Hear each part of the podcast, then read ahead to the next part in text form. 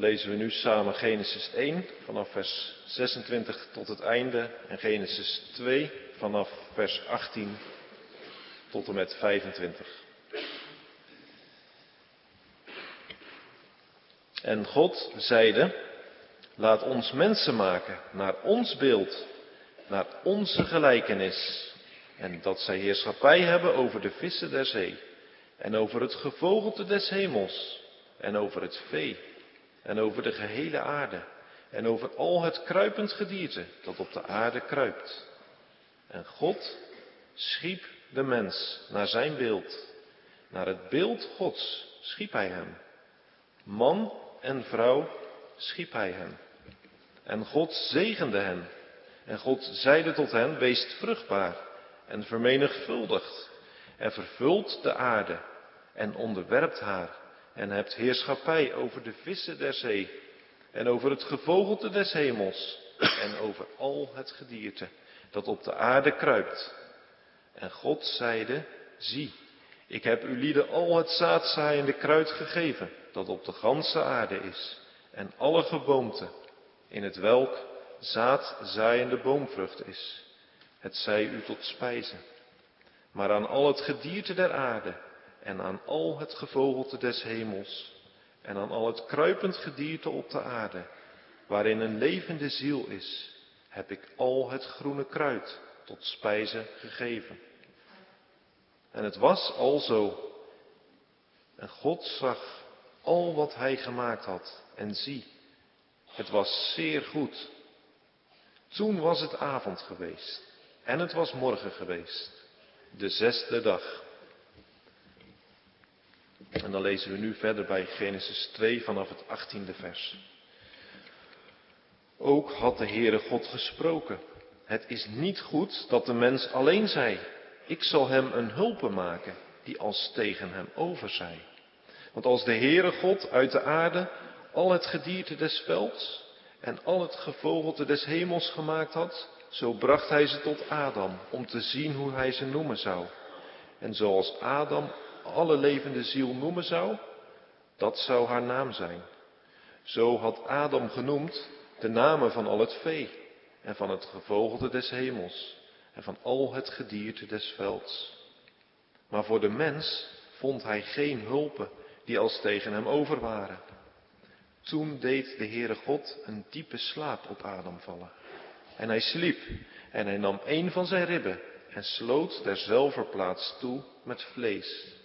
En de Heere God bouwde de ribben die hij van Adam genomen had tot een vrouw. En hij bracht haar tot Adam. Toen zei Adam, deze is ditmaal been van mijn benen en vlees van mijn vlees. Men zal haar maninne heten, omdat zij uit de man genomen is. Daarom zal de man zijn vader en zijn moeder verlaten en, tot, en zijn vrouw aankleven en ze zullen tot één vlees zijn.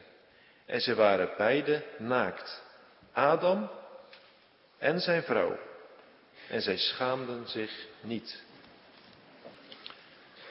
Gemeente, voordat we verder gaan met zondag 41 van de catechismus, wil ik eerst deze keer en volgende keer de middagdienst, de leerdienst, besteden aan de Bijbelse instelling van het huwelijk.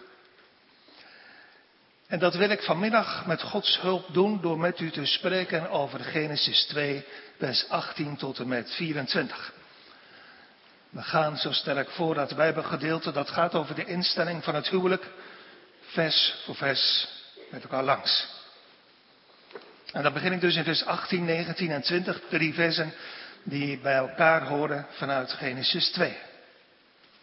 Waar staat, ook had de Heere God gesproken, het is niet goed dat de mens alleen zij, ik zal hem een hulp maken die als tegen hem overzij.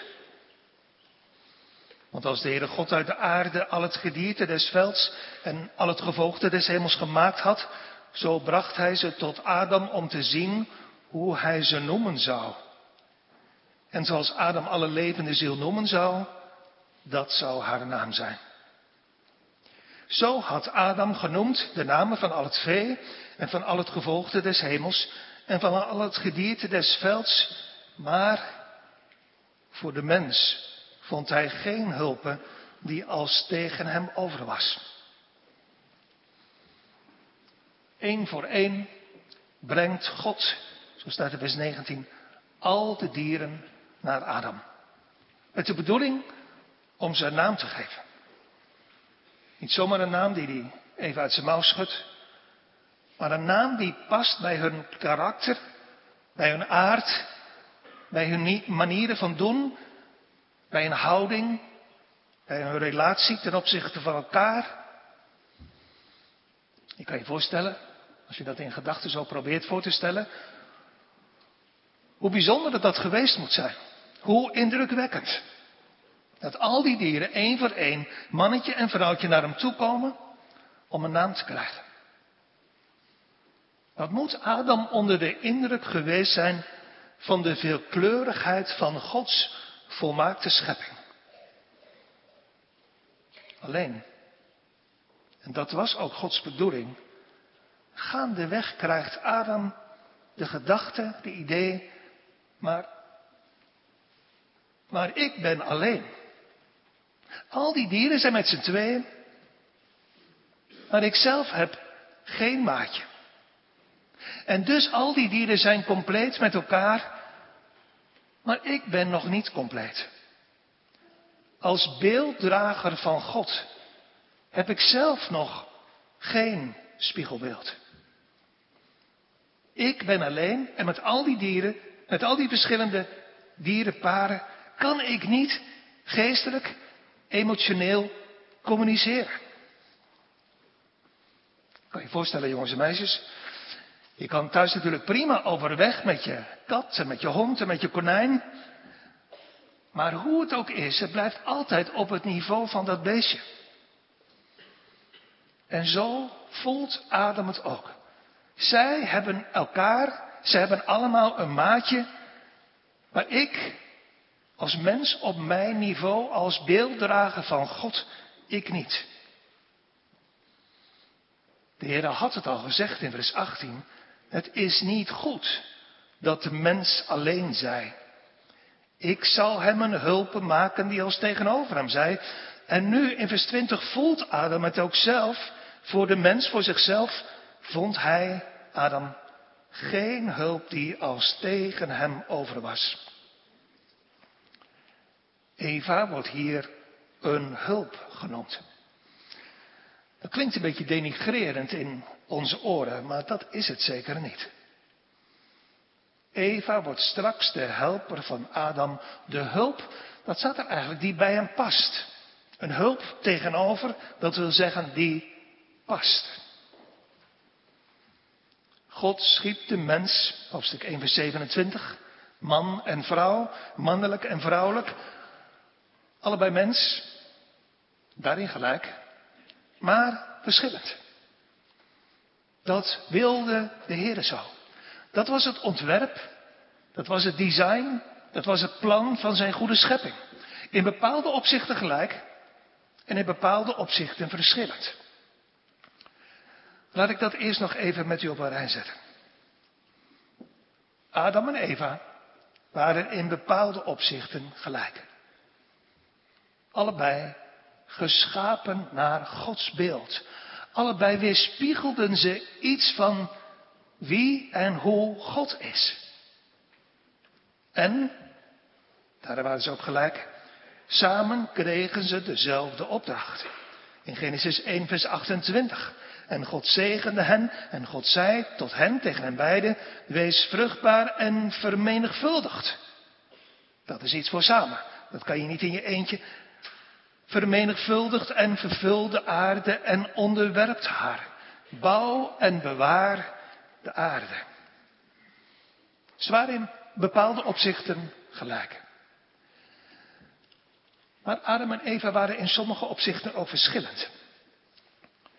Ik zei het al, beide geschapen naar Gods beeld, maar ook wat dat betreft was er een zeker verschil. Sommige eigenschappen van God zie je meer bij een vrouw. Wie kan er het beste troosten? Mama, zeg je. Als beelddrager van God oorspronkelijk die troost meer dan een moeder troosten kan. Sommige eigenschappen van God zie je meer bij een man. Wie is het sterkst? Papa zeg je, meestal. Als oorspronkelijke beelddrager van God, van de sterke God. Eén verschil. En tweede verschil. De Bijbel noemt Adam hoofd en Eva hier hulp. Eva is de hulp van Adam. En dat is een eretitel. Dat is een aanduiding om trots op te zijn. Want God noemt zichzelf ook een hulp. In Psalm 33, we hebben eruit gezongen. Hij, God, is onze hulp en ons schild. Psalm 46. God is onze toevlucht en sterkte. Hij is krachtig bevonden, een hulp in benauwdheden. Dus, getrouwde mannen, daar hoor ik ook bij. Je vrouw draagt een titel waar je diep respect voor moet hebben. En daarbij trouwens ook uit Genesis 2 blijkt dat je die hulp nodig hebt. Om te doen wat je moet doen. En zelfs ook om de Heer te dienen. Als man kan je niet zonder je vrouw. Ook niet in het dienen van de Heer. Je hebt haar raad, je hebt haar advies, je hebt haar gebeden zo nodig. Daarmee is tegelijkertijd ook het gemis getekend van diegenen onder ons die hun echtgenoten verloren hebben. Eva wordt de hulp van Adam tegenover hem. Op gelijk niveau, niet onder hem, maar tegenover hem. En daarbij noemt de Bijbel, ook in het Nieuwe Testament, in Efeze 5 en 1 Korinthe 13, Adam het hoofd van de vrouw. En in die verhouding weerspiegelen ze ook allebei iets van God. Ook daarin zijn ze beide geschapen naar Gods beeld. Daar hoop ik volgende week in de volgende preek op terug te komen. Adam, even terug naar de tekst, ziet al die dieren, mannetje en vrouwtje, voorbij komen. Maar nergens is er een hulp als tegenover hem. Toen, vers 21, deed de Heere God een diepe slaap op Adam vallen en hij sliep. En hij, God, nam een van zijn ribben en sloot die plaats toe met vlees. En de Heere bouwde de rib die hij van Adam genomen had tot een vrouw. En hij bracht haar tot Adam.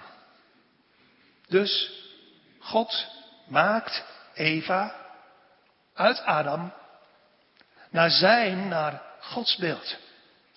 En hij brengt haar tot Adam en hij, nog steeds God, hij geeft haar aan hem. Dus gemaakt voor Adam, gebracht tot Adam en gegeven aan Adam. Als het grootste geschenk van God uit de schepping aan Adam. En dan jubelt Adam het uit.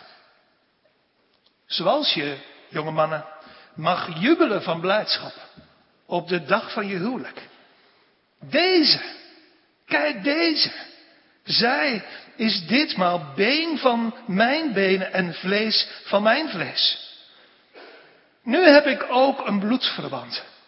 Een mens zoals ik.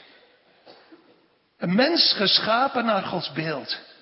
Maar, maar wel anders zo zeldzaam mooi gemaakt.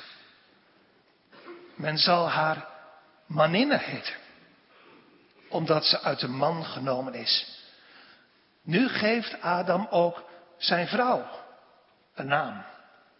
De vrouwelijke vorm van man, maninne. En Adam herkent direct de bedoeling van God. De door God bedoelde eenheid. Dit is zijn maatje. Dit is zijn kameraad. Dit is zijn vriendin. Die zal met hem één zijn. Ziel naar geest en naar lichaam. Want hij ziet het direct in één oogopslag. Ook zij is gemaakt naar Gods beeld. En God gaf haar aan Adam. Dat is ongetwijfeld een van de gelukkigste dagen van zijn leven. Om van te zingen. Zoals wij ook nu samen gaan zingen. Psalm 9, vers 1 en 2. Ik zal met al mijn hart de Heere blijmoedig geven, lof en eer.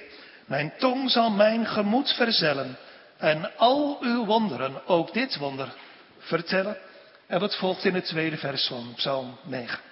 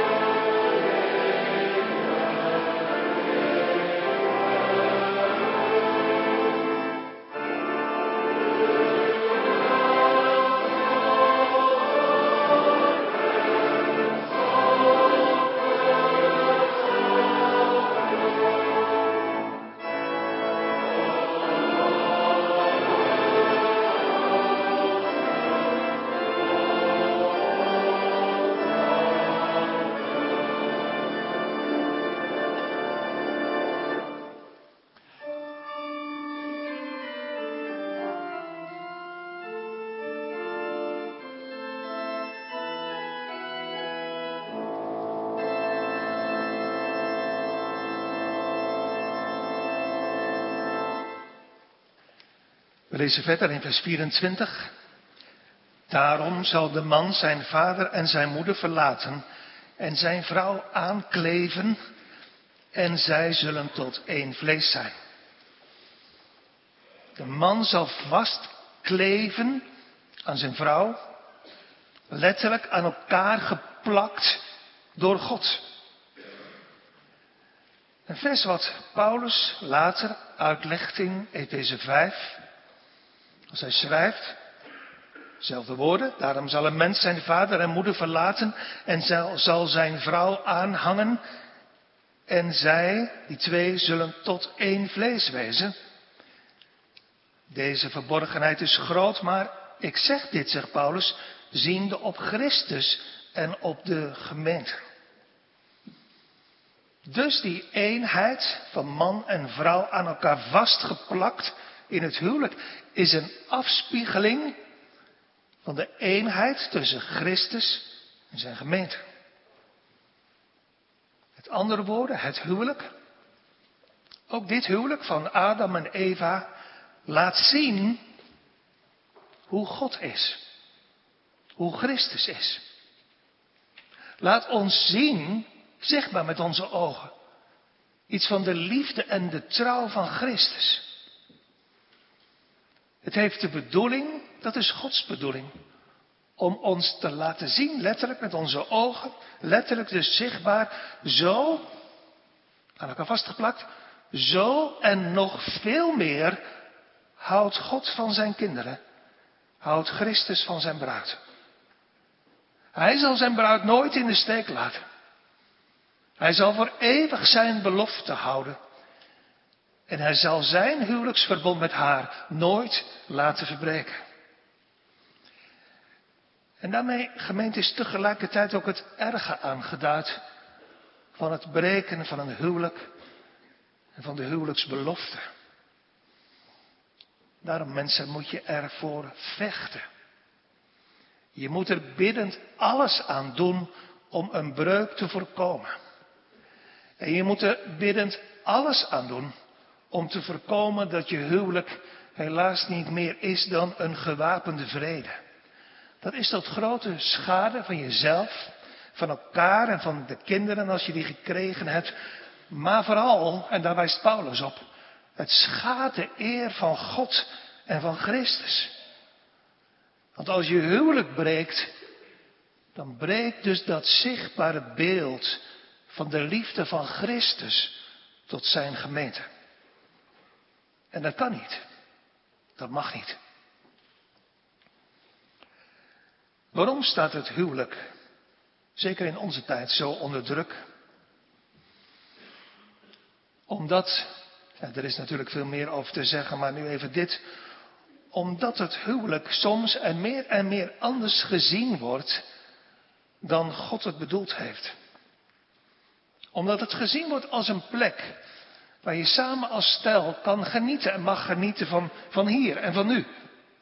Van welvaart, van geluk, van plezier en van voorspoed. Of als een plek voor mezelf. Klinkt nog erger. Voor mezelf om het gezellig te hebben, om plezier te beleven, om mezelf te ontplooien. En dus als die ander niet meer bijdraagt aan mijn welbevinden, aan mijn zelfontplooiing, aan het bereiken van mijn doelen, aan het versterken van mijn ego, ja, dan houdt het eigenlijk een beetje op. Dan heb ik er niet zoveel zin meer in.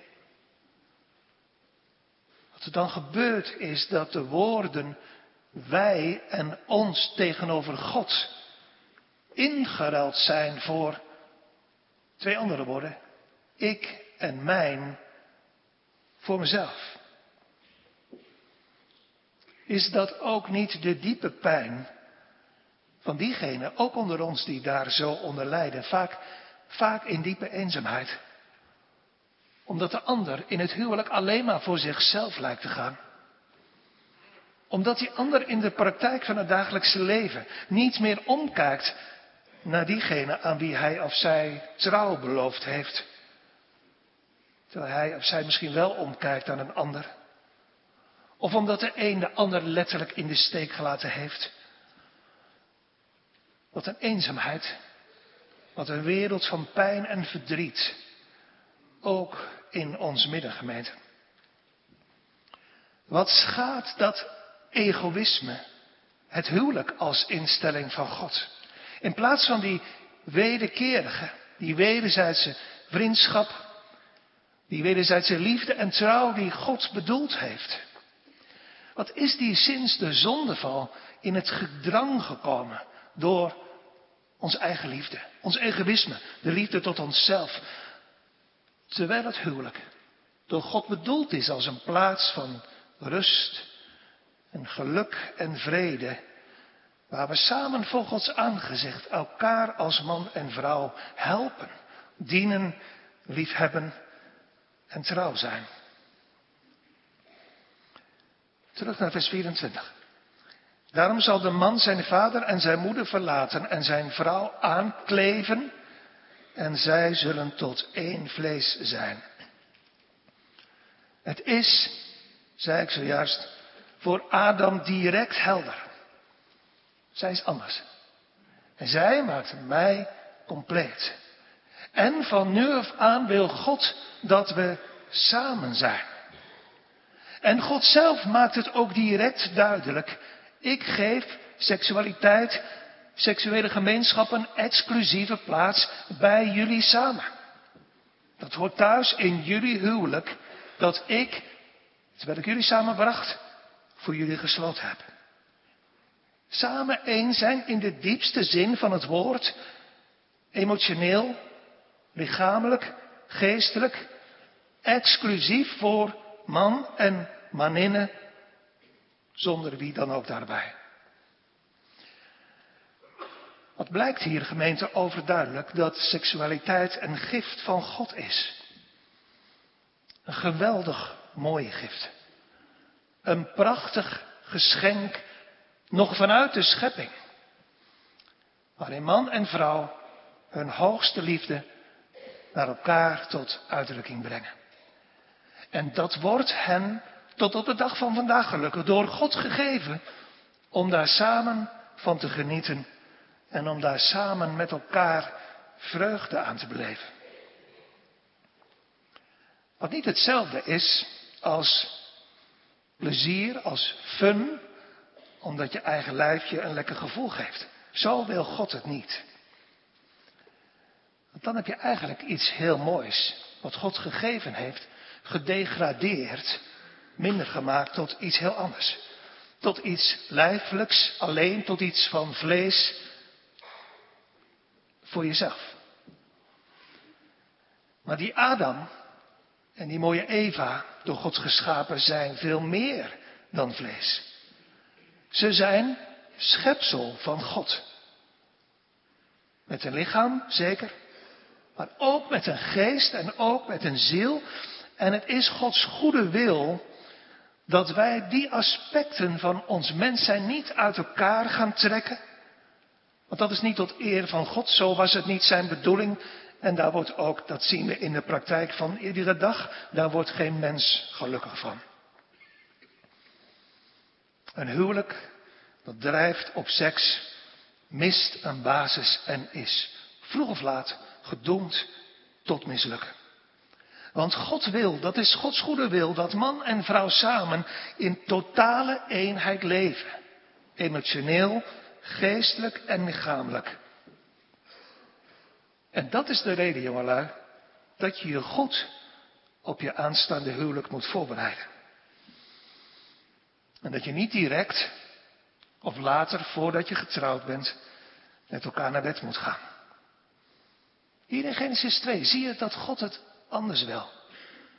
Hij brengt Eva tot Adam.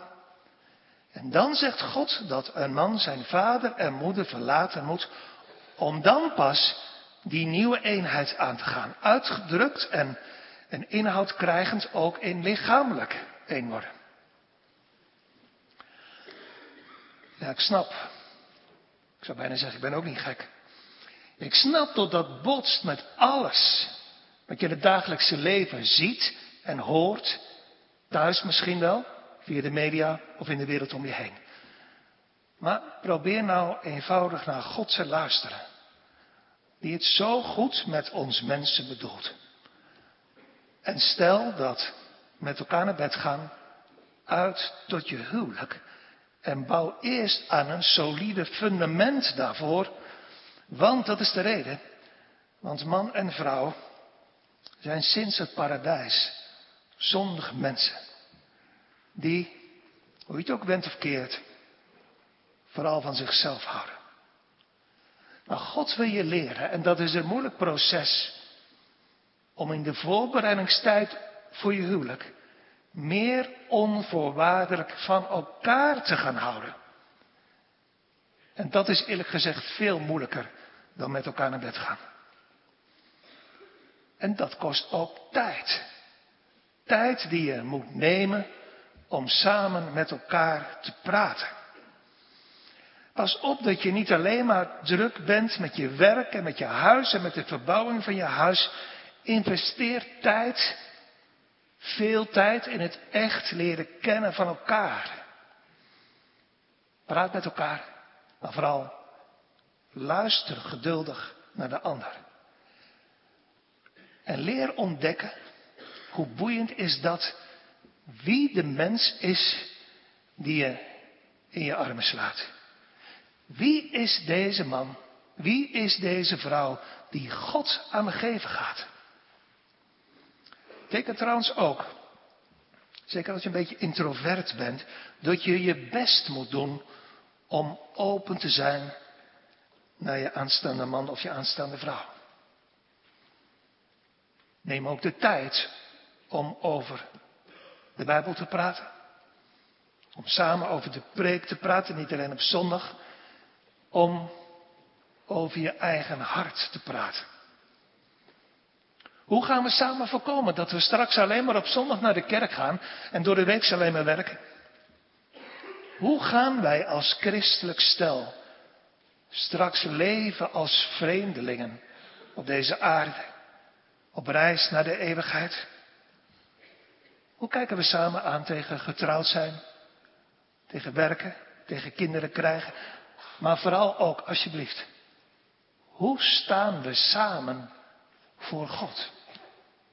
En hoe gaan we samen straks in het leven van iedere dag leven met God? Denk nou niet dat het, dat is nog veel te vroeg allemaal om het daarover te hebben. Alsjeblieft, je relatie is geen plek om geestelijk verstoppertje te spelen. Leer echt alles tegen elkaar te vertellen en met elkaar te delen. En zo kan je, dat is Gods goede wil, door de tijd heen langzaam steeds meer naar elkaar toe groeien. Hoe verschillend ongetwijfeld je achtergrond en je opvoeding ook is. Naar elkaar toe groeien in vertrouwen.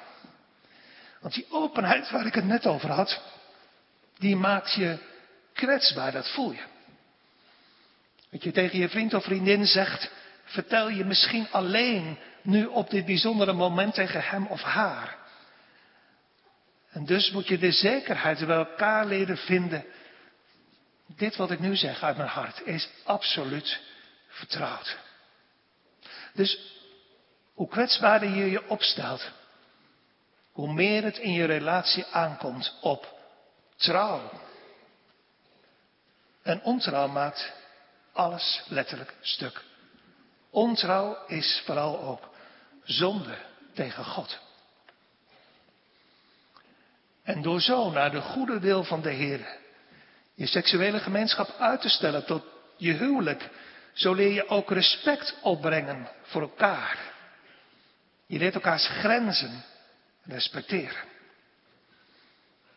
En wij als zondige mensen, daar hoor ik ook bij, moeten voor ons huwelijk en ook in ons huwelijk leren dat het niet gaat om mijn wensen en om mijn verlangens en mijn behoeftes, maar dat het gaat om die ander die ik moet en die ik mag liefhebben en dienen. Zo leer je genieten, echt genieten, van al het andere ook wat God je geeft. Je vriend of vriendin, zo'n uniek mens, zo'n mooi mens, met zo'n uniek karakter, met zo'n uniek levensverhaal. Zeker ook met zo'n aantrekkelijk lichaam, waarvan je voelt dat het bij je past. En dus is het goed om met elkaar grenzen af te spreken. Tot hoeveel je gaat en waar je stopt. Als het gaat om dicht bij elkaar zijn. Leer elkaar, jongelui. Het mooie van elkaar. Het mooie van elkaars karakter. Het mooie van elkaars hart. Maar ook het mooie van elkaars uiterlijk en lichaam lief te hebben. Met respect, met verwondering, met verwachting, met geduld. Het wordt je allemaal gegeven door je schepper en dus voeg je dan ook in het plan van je schepper en wees verstandig. Leer samen eerst die dingen die het meest geduld van je vragen. En die gewoon het moeilijkste zijn. Elkaar te respecteren. De ander meer te achten dan jezelf. Elkaar te dienen zoals de Heer Jezus dat deed. En elkaar lief te hebben om trouw te zijn aan elkaar. En als je dan getrouwd bent, en u die getrouwd bent, geef elkaar die bijbelse liefde. Zie seksualiteit niet als iets laags, als iets waar je voor moet schamen. God heeft het in de schepping gegeven om van te genieten. Van te genieten van die unieke intimiteit, geborgenheid, liefde en veiligheid in het samen zijn met elkaar. Zo heeft God het bedoeld. Samen tot één vlees zijn. En daar mag je samen God hartelijk voor danken. En misbruik dat alstublieft niet.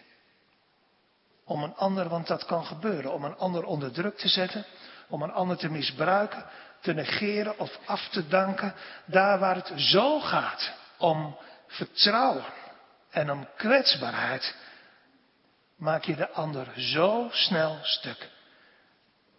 En dan niet een klein beetje, maar echt en misschien wel levenslang helemaal.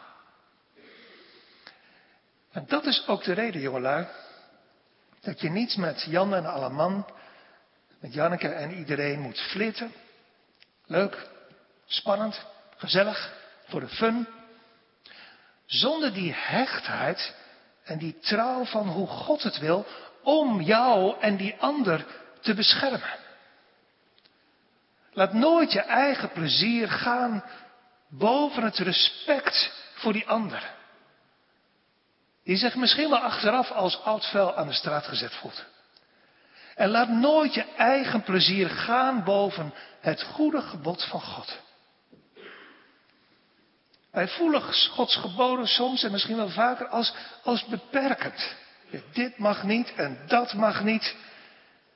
En maar luister, waarom niet? Omdat je, als je het wel zou doen, jezelf of iemand anders zou schaden. En ook omdat je op die manier, als je je eigen zin zou gaan doen, iets moois gaat missen. Wat God eigenlijk in liefde aan je wilde geven. Iets moois. Iets geweldigs. Alleen de liefde van Christus, die is nog groter. Alleen de liefde van Christus gaat boven de liefde van mijn vrouw. En alleen de liefde van Christus gaat voor haar boven mijn liefde. Jongeren, God wil je een schat geven. Een geweldig geschenk. Neem geen genoegen met je eigen cadeautjes die je zelf inpakt en uitpakt. En getrouwde stellen, hoe langer u ook getrouwd bent, God wilde u een schat geven. En als dat nou niet zo voelt vanmiddag, doe er dan iets aan. Laat je egoïsme, de liefde voor jezelf dan gebroken worden aan de voet van het kruis van Christus. En zoek alstublieft tijdig hulp voordat het stuk is. God geeft aan Adam Eva als hulp tegenover hem. En hij knoopt die twee in een blijvende, intieme verbondsrelatie zo aan elkaar dat het niet meer en dat het nooit meer stuk mag gaan totdat de dood hen scheidt. Want wat God samengevoegd heeft, zegt de Heer Jezus, scheiden de mens niet. En gemeente, dat leven naar Gods goede gebod, thuis in uw huwelijk, in jullie relatie, jongelui, wil de Heer zegenen. Daar Waar zo, naar Gods plan, zuivere en heilige liefde woont, daar gebiedt de Heer zijn zegen. En daar wil de Heer ook bijzonder werken door zijn woord en geest. En daar gaan ook een elkaar liefhebbende man en vrouw meer en meer zien. Onze liefde is, is zo bijzonder is zo uniek. Maar lieverd, man, vrouw, er is er één. Mijn Christus, mijn bruidegom. Hij is mijn allerliefste. Zijn liefde is echt weergaloos. Ik geniet zo van je. Daar komt het niet in, op in mindering. Ik geniet zo van je hart. Van, je, van de schoonheid van wie je bent. Zo vol van liefde en trouw. En, en zo hecht en zo uniek. Maar Christus. Hij is, zegt de dichter, veel schoner dan wie dan ook van de mensenkinderen. En wat is dat, geliefde gemeente, een zegen? Als je samen in je huwelijk allebei de Heer het meest mag liefhebben en dienen. Dan zal het zeker moeilijk zijn als je ooit wel van elkaar moet scheiden als de dood de band verbreekt.